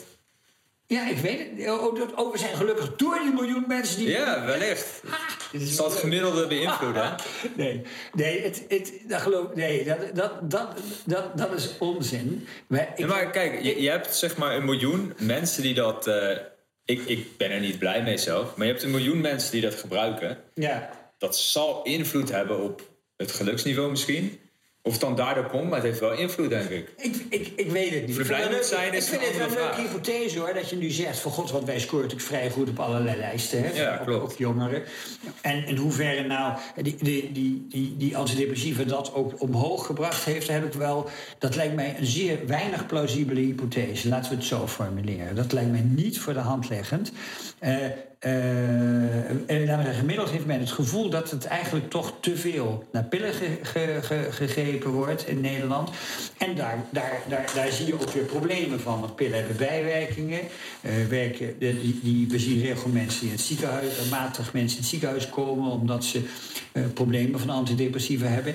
Een hele vervelende bijwerking van antidepressiva is dat je eh, eh, zelfmoord door kan gaan eh, plegen. Dus, dus, dus je ziet, zeker bij jongeren heeft men dat wel gezien. Mensen starten en Wow. kunnen dan tot zelfmoord komen. Is vrij zeldzaam. Oké. Nou, het komt natuurlijk verschrikkelijk.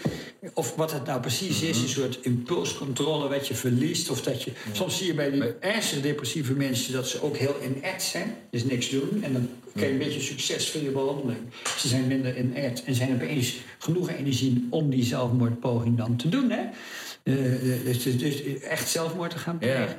Dus dat is een beetje. Maar er wordt ook wel gezegd dat er een soort impulscontrole bij sommige mensen eh, verlies plaatsvindt. En, dan op, en, en, de, eh, en, en suïcide is ook een impulsieve handeling. Ja. We gaan het opeens doen. Dus, dat is, eh, dus, dus daar is wel veel twijfel over. Aan de andere kant denk je dat zeker bij die ernstige depressies die pillen wel heel nuttig zijn. En mensen ook, ook wel een soort leven kunnen bieden. Omdat ze bij die ernstige depressies ook echt niks konden en niks deden. En door die pillen dan toch weer er bovenop komen.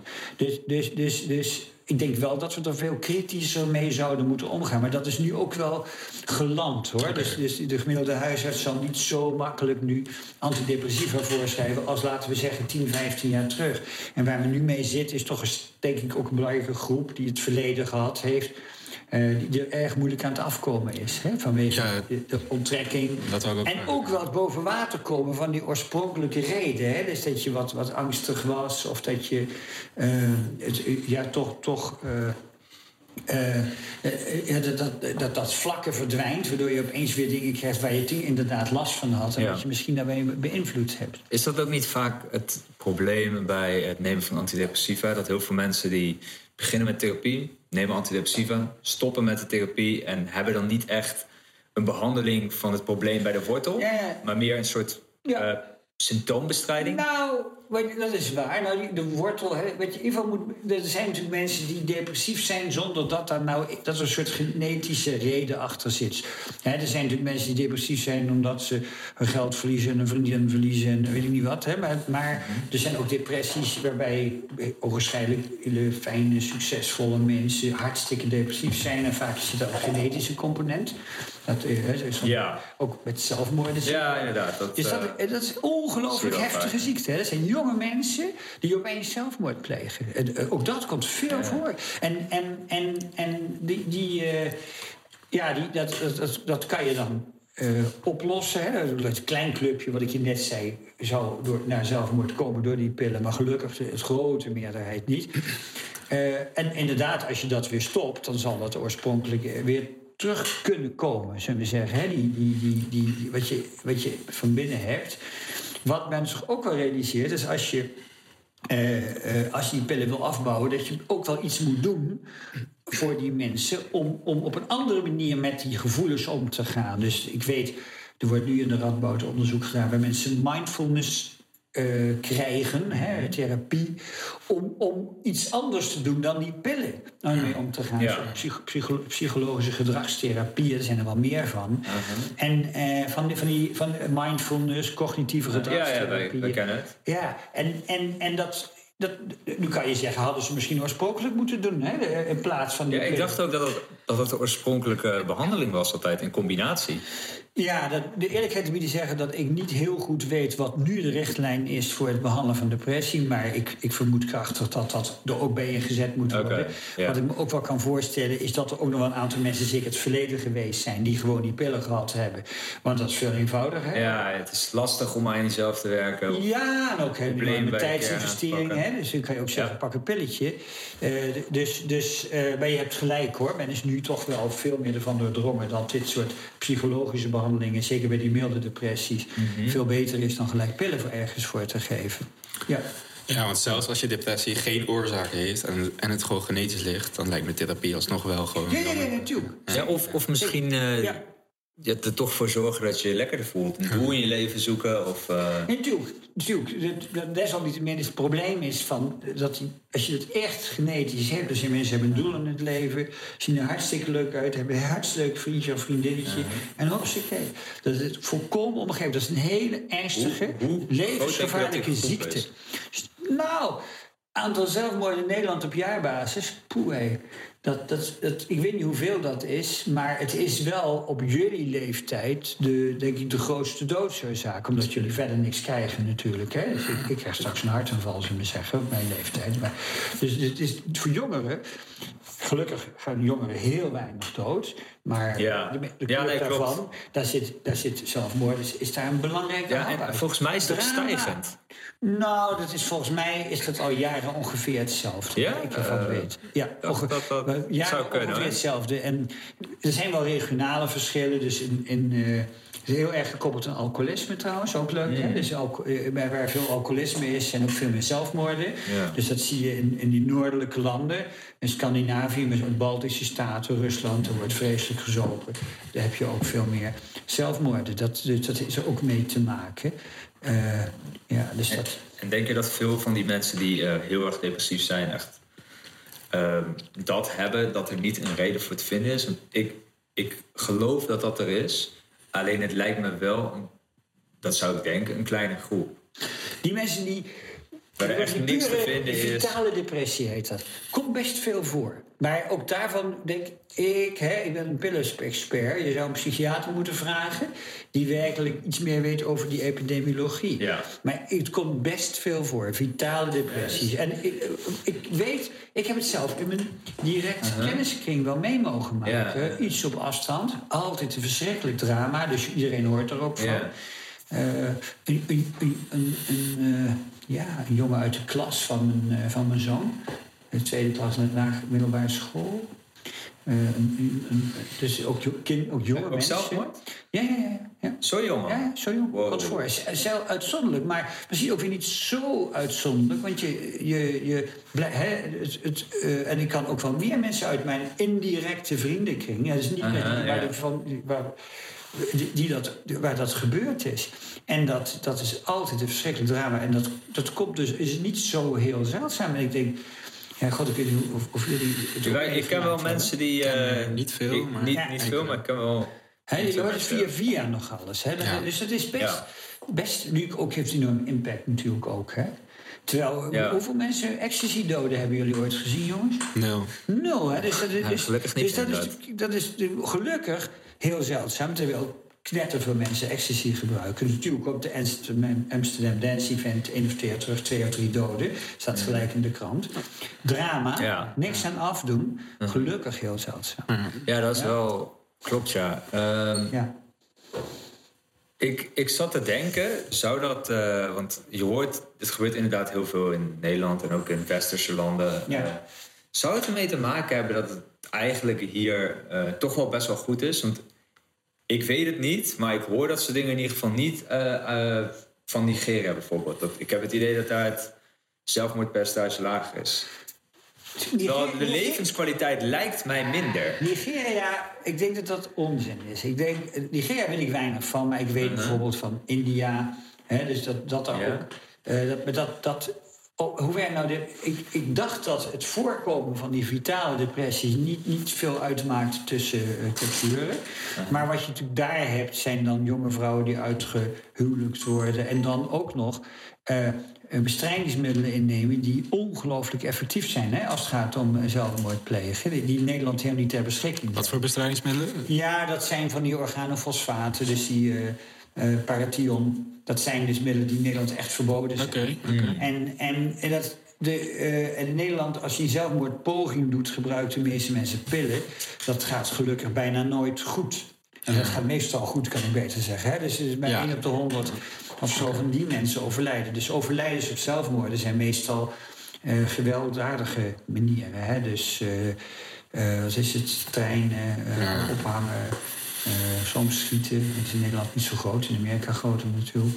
Dus, dus dat zijn meestal, terwijl het, het zelfmoordpoging met pillen, waar, ik dan expert ben, is gelukkig uitermate zeldzaam.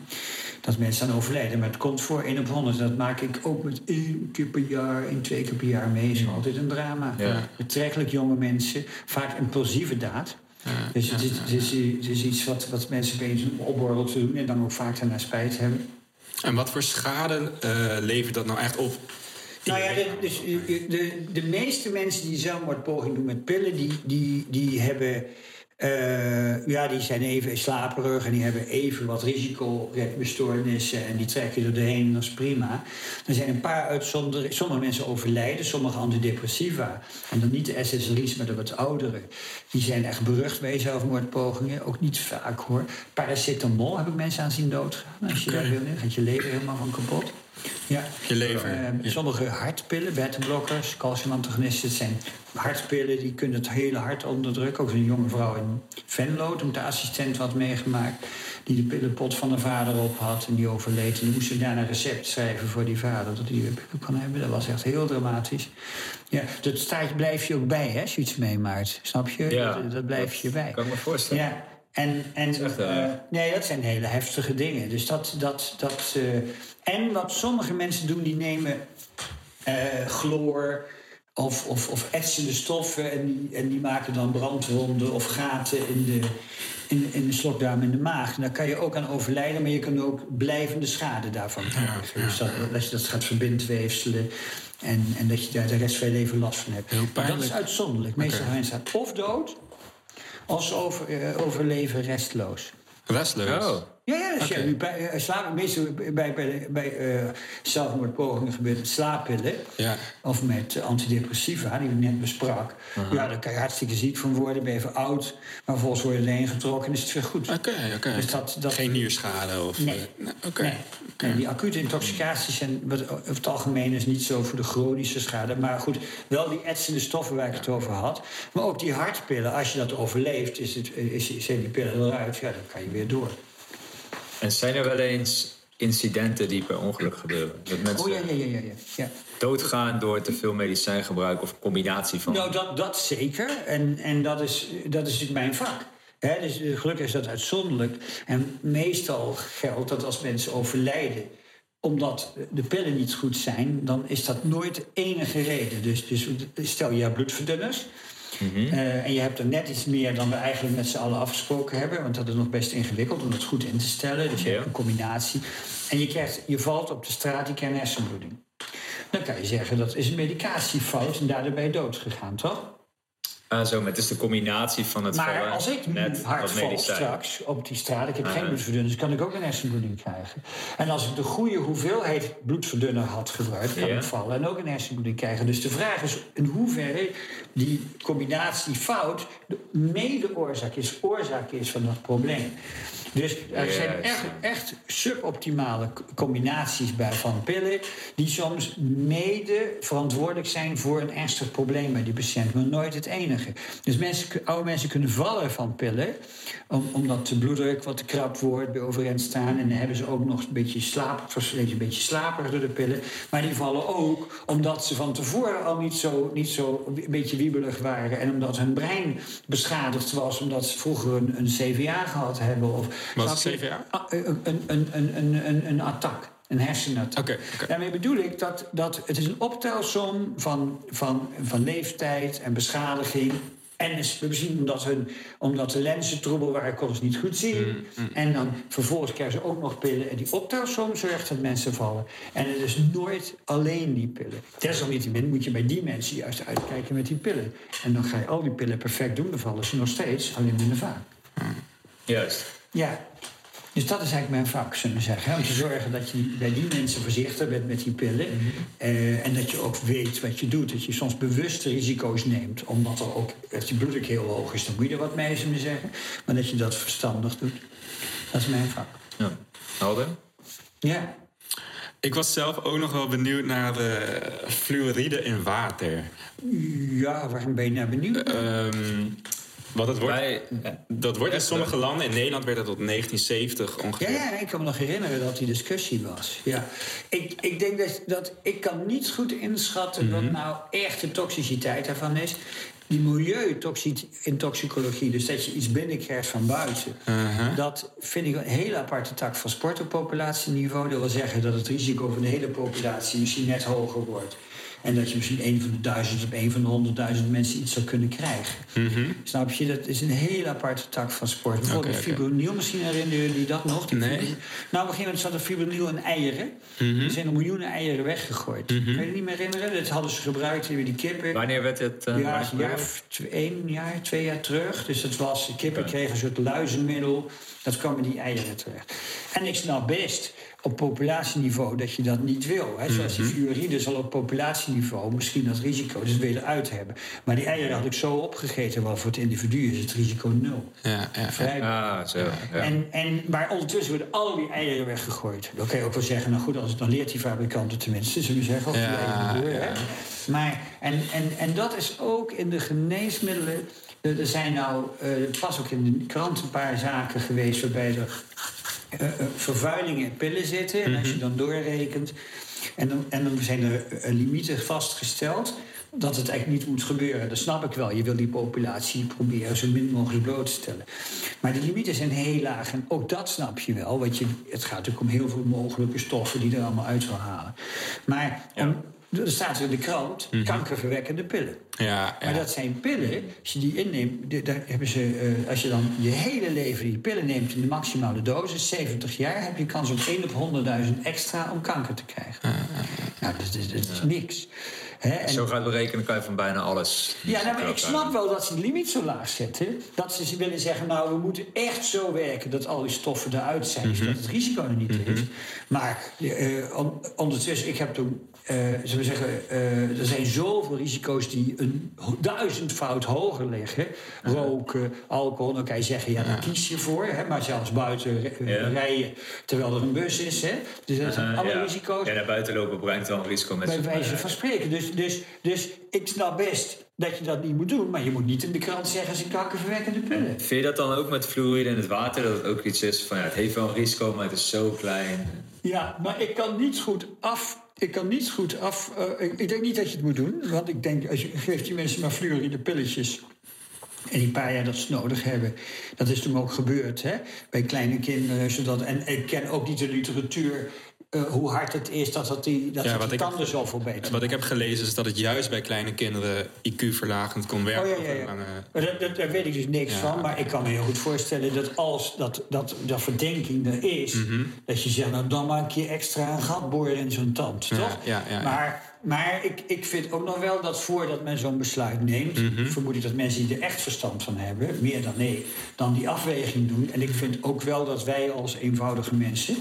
Hè, dan eh, eh, vertrouwen moeten hebben in de club mensen die de overheid instelt om dat te doen. Iets waar we nu ook een beetje last van hebben. Want iedereen weet hoe je corona moet, moet aanpakken.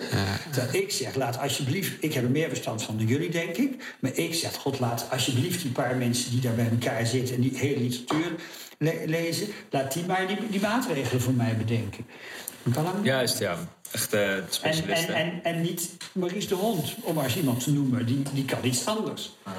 En die specialisten snappen ook hoe, dat ze het niet allemaal goed weten.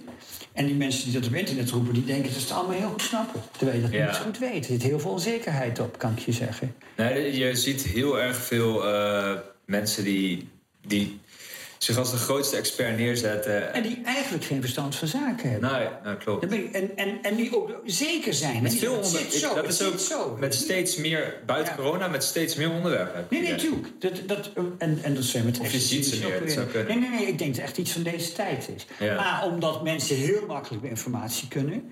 En dus heel veel kunnen lezen. Maar het goed interpreteren van al die literatuur... en ook dingen die je niet gelezen hebt, die ook zijn... Mhm. Hè, dat is best... Daar moet je heel veel tijd in kunnen stoppen. Dat is heel ingewikkeld.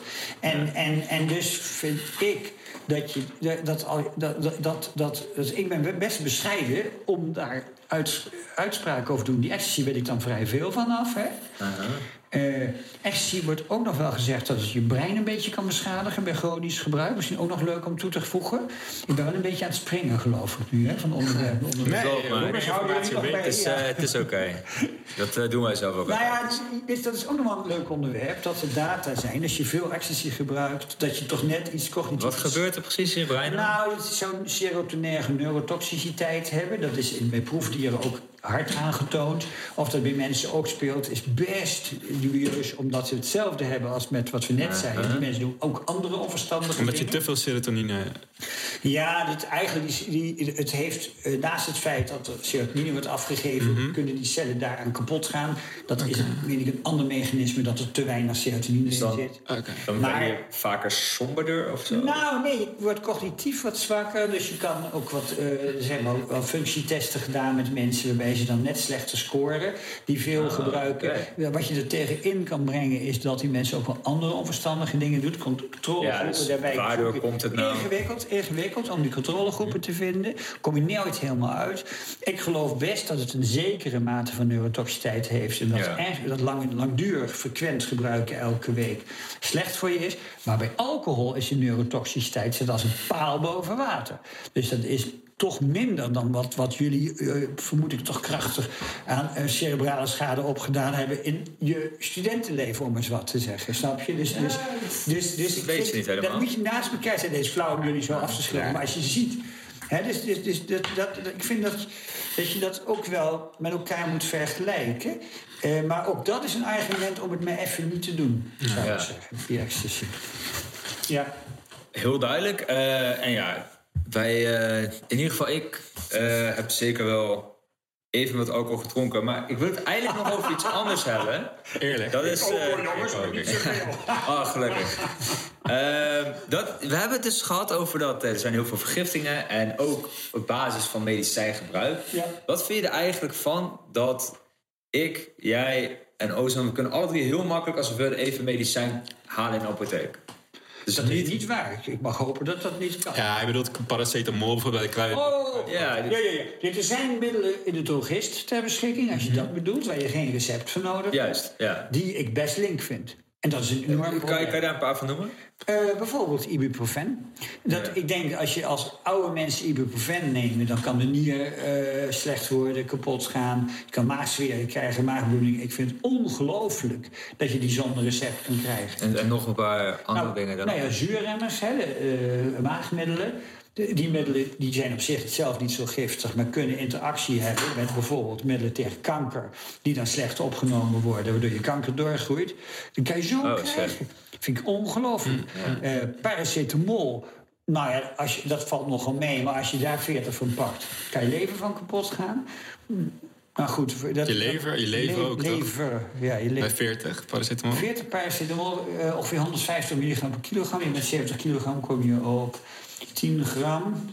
Eh, ja, zoiets. Dus je 20, pil- vanaf 20 pillen kan je schade krijgen. Bij 40 heel groot probleem. Ja. Dat is interessant, hè? een paar stripjes. Maar Ja. 20, dan, dan doe je dat op een dag. Nee, tegelijkertijd. Hè? Ja, ja, Oh, ja. Dus één dag. Is niet goed, is niet slim. Maar, de, maar er wordt vrij... In, in, in Engeland het Het is heel bekend, eigenlijk. Eh, ja, dat, dat weet ik niet of dat bekend is. Maar dat, paracetamol is heel veilig als je het binnen die eh, maximale dosis doet. Maar daarna, als je tien keer zoveel hebt, kan je er verschrikkelijk van in de problemen komen. En wordt regelmatig gedaan als zelfmoordmiddel. En dat is een hele vervelende manier van doodgaan. Want je lever wordt kapot, je wordt heel erg geel, je wordt heel erg ziek. En dan Wow. kan je een nieuwe lever krijgen als die ter beschikking is. Ja. Is ook gedaan bij dit soort patiënten. En als je op tijd in het ziekenhuis bent, kan je overigens gered worden. Want dat is een heel goed antidote. Maar dan moet je wel binnen acht of tien uur na je intoxicatie in het ziekenhuis zijn. En dan zijn al die mensen te redden met een antidote. Ja, ja, ja. Ja. Maar goed, veel mensen komen niet. Die komen de volgende dag. Lever ligt eruit. Op dag drie krijg je grote problemen. Vind je dat hier, zeg maar, aan die eh, beschikbaarheid van medicijnen en, en ook aan de huidige vergiftingen eh, die er gebeuren, vind je dat er iets aan moet worden gedaan? Nou, ik vind die beschikbaarheid van die, van die pijnstillers. Dat, dat, dat vind ik heel erg dat er wat aan moet. Dat, dat, je dat, dat ze daarvan. Dat zou niet zouden moeten doen. Op recept, eh. Zon, dat zonder recept, die, die NSAID's, hè, die ibuprofen achter. Mhm, dat, is, dat, dat, dat heb ik nooit begrepen. Oké. En ik weet niet wat daarachter zit. Een soort economisch eh, verhaal, weet ik niet. Ja. Eh, de, de, die zuurremmers zou, vind ik ook niet zo slim. Eh, maar overigens is er, je bestaat zoiets als Sint-Janskruid. Dat is, een, eh, dat is een, een, een middel wat heel zwak iets doet op depressie. Eh, of, eh, en dat, dat kan je ook de drogist geven. Dat, dat middel heeft als nadeel dat allerlei enzymen veel harder gaan werken. En de allerlei middelen die je echt nodig hebt, zoals kankermiddelen, maar ook antistolen, opeens hele lage spiegels krijgen in je bloed. Dus als je dokter niet weet dat je die pakt, kan het zomaar zijn dat je hele therapie onwerkzaam wordt. Ik vind het ook belachelijk dat dat verkocht kan worden Ja. bij de drogist. En, en, en, Is het ook wel eens een voeding of niet? Janskruid? nee, dit, dit, die Janskruid, nee, wordt als thee. Als thee. Oh. Ah, oké, ja, ik dacht dat iets was- Als je als thee. Juist. ja. Ik weet niet hoeveel je dan krijgt, maar ik zou het niet proberen als je dit, als je dit kankerpillen gebruikt. Nee, Hè, dat is, dat- is, dat is, dus, dat, dus ik vind dat daar nog wel wat aan. Die paracetamol kan ik me nog voorstellen als je nou heel duidelijk op die potjes zet. Voor god jongens, maximaal 4 gram op een dag. Krijgt niemand daar last van. Misschien ook gewoon minder per verpakking. En dezelfde. Nee, dat is ook gedaan. In Engeland, waar veel paracetamol-intoxicaties gedaan worden, zijn we zo ook begonnen. Dan mag je niet zo'n potje, dan moet je stripjes. Zodat je in ieder geval lang aan het drukken bent Ja. voordat je ze pakt. En niet zo Ja, in je ja, ja, lopen. ja, ja. Dus dat, eh, ja. Heel interessant. ja. Heb jij verder nog iets? Nee, ik eh, vond het inderdaad heel erg interessant. Ik ook. eh, denk dat Nederland hier veel van heeft geleerd. Ja, er zitten echt Ik veel dingen in. ja, ik hoop het. Als er nog een levensles is, die Levensles! je aan de kijker mee eh, wilt geven. Jongens, doe het niet. Nee, ja. Niks doen. Nou, Ik denk dat die boodschap wel eens overgekomen. Ik, ik, ik kan me best voorstellen dat je je leven lolliger wil maken. En vanuit dat perspectief kan ik me ook best voorstellen dat je nu dan wat drinkt. ik, ik, ik, ik, ik, ben, eh, ik zou wel inderdaad enorm uitkijken voor dat binge drinken. Hè, en met name voor de beschadigende effecten van die acute intoxicatie. En inderdaad, als je al, eh, eh, en, en, en realiseer je dat er een klein percentage aan blijft hangen die er enorme problemen van krijgt. De meeste mensen zullen ieder geval illusie hebben dat ze dat in de hand kunnen houden. Pillen kopen van iemand, eh, een crimineel in iemand stoppen, daar kan ik met mijn verstand niet bij. Niet doen, jongens. Maar ja, naar mij luisteren ze natuurlijk niet. Dat, dat, Ja, Wie weet. We- over een paar jaar kunnen we misschien het effect in kaart brengen. ja, ja, maar Dus, goed, eh, dus ja, ga dan, ga dan iets anders doen, ik zeggen, om het leuk te hebben. juist. Maar goed. Dat, eh, en, en, en doe dat niet medicamenteus, hè? Net als die antidepressiva. Ik bedoel, eh, probeer het niet medicamenteus op te lossen. Wat medicamenteus Met, met pillen. Kijk, wat je nu doet, is we, we willen ons beter voelen. Ah, juist. Dan pak ik een pilletje Ja. voor. Kom op. Dat moet echt het, de Doe iets. laatste oplossing Nou, zijn. ja, is geen oplossing. Ga lekker geen. genos-. Oké, Kijk, als, als je de depressie hebt, dan ga je naar een dokter. Die zegt, je bent ernstig depressief. Je kan eens proberen met psychotherapie. Als het niet lukt, kan een pilletje bijgeven. Ja, en precies, daar hebben we heel veel aan te danken. Echt waar. En ook, ook, ook mensen die psychotisch zijn. Hè, die, die, die, die, die vroeger dwaalden die op straat. En die krijgen nu een pilletje en kunnen enigszins functioneren. Dus we hebben, laten we daar niet mannetjes over doen. We hebben met die pillen het leven heel veel aangenamer en beter gemaakt voor veel mensen. Ja, Oké, ja. helder. een- Ja? Mooi eh, om af te sluiten. Ja. Zeker. mooi. Nogmaals bedankt dat u na zo'n eh, lange werkdag... Zo is het maar net. Ehm, In de kou. Ja. als de mensen u op internet willen vinden... of heeft u nog een bepaalde link die u... Nee, nee, ik, heb zelf, ik ben niet op Facebook. Mhm. Ik ben niet op Twitter. Ik ben niet op Instagram. En ik denk dat dat maar goed is ook. Soms heb je iets verzegd in de media. En dan zeggen ze, weet je wat ze over je zeggen? Oh, ja. Fijn dat ik dat niet weet. Ja, Dat, hè. snap ik, snap ik. Iedereen heeft natuurlijk een mening. De asociale media noem ik dat. Ja, ja, ja. Dus ik- ja, ik ben een beetje te oud, denk ik. Nou, Eh, ik ben... wie weet. in ieder geval voor, die, voor, die, voor het Aha, Facebook ja, en nee. zo, weet je. De, ben ik bereikbaar, ja, ik weet via de, eh, LinkedIn. via LinkedIn heb ik, ja. Oké. Niet dat ik er wat mee doe, maar dat is. LinkedIn. Yes.